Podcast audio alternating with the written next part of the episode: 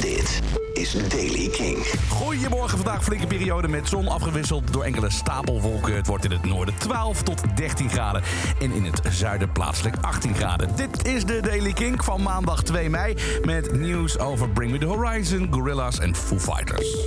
We beginnen even met het nieuws dat Richard Collins is overleden. Het is de stiefvader van Amy Winehouse, 71 jaar geworden. Het is niet bekendgemaakt waaraan hij is overleden. Een aantal dagen geleden werd hij opgenomen in het ziekenhuis. Richard was getrouwd met Janice, de moeder van Amy... en stond erom bekend dat hij de zangeres tot aan haar dood in juli 2011 altijd heeft gesteund. Toen Amy op 27-jarige leeftijd overleed aan een alcoholvergiftiging... richtte haar stiefvader de Amy Winehouse Foundation op... en die organisatie helpt kinderen en jongeren bij het maken van belangrijke keuzes op een verstandige manier. De Gorillaz die zijn begonnen aan hun wereldtournee. En die speelden tijdens hun set twee nieuwe nummers. Silent Running en Cracker Island. Dat deden ze met Thundercat. Um, er is een bootleg opname van Silent Running. Nieuw materiaal dus van Gorillaz. Luister maar.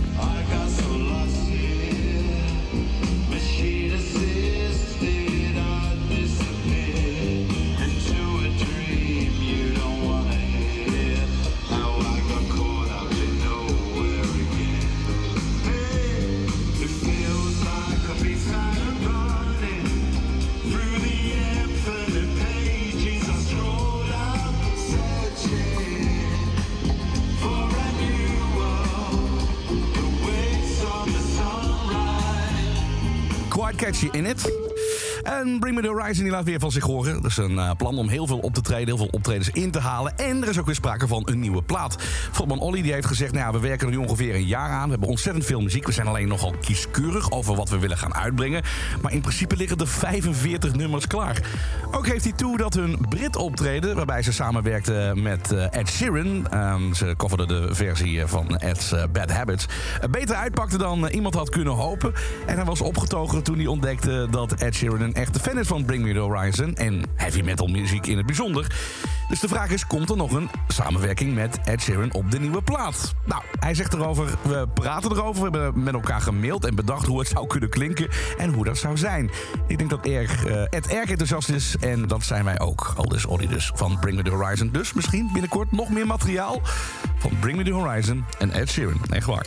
En gisteren speelden de Red Hot Chili Peppers tijdens het New Orleans Jazz Fest in plaats van Foo Fighters die al hun shows hebben gecanceld naar aanleiding van het tragische overlijden van de drummer Taylor Hawkins. Aan het einde van de set hield de Red Hot Chili Peppers drummer Chad Smith een korte toespraak ter ere van zijn goede vriend. Hij zei: We kwamen hier pas uh, twee weken geleden achter dat we hier moesten spelen, omdat de Foo Fighters vanavond niet konden. En we houden van de Foo Fighters en we houden van onze broer Taylor Hawkins. Dit betekent heel veel voor ons om voor hen te kunnen spelen. De familie overigens van Hawkins, onder zijn vrouw Allison en leden van Foo Fighters waren wel aanwezig tijdens het concert. En tot zover de Daily Kink van vandaag, 2 mei. Iedere dag bij met het laatste muzieknieuws. Abonneer je dan eventjes op deze podcast in je favoriete podcast-app. Of check kink.nl voor meer muzieknieuws en nieuwe muziek. Luister je trouwens iedere dag naar Kink. Kink in Touch in het bijzonder maandag tot en met donderdag tussen 7 en 10 voor meer, nieuwe muziek.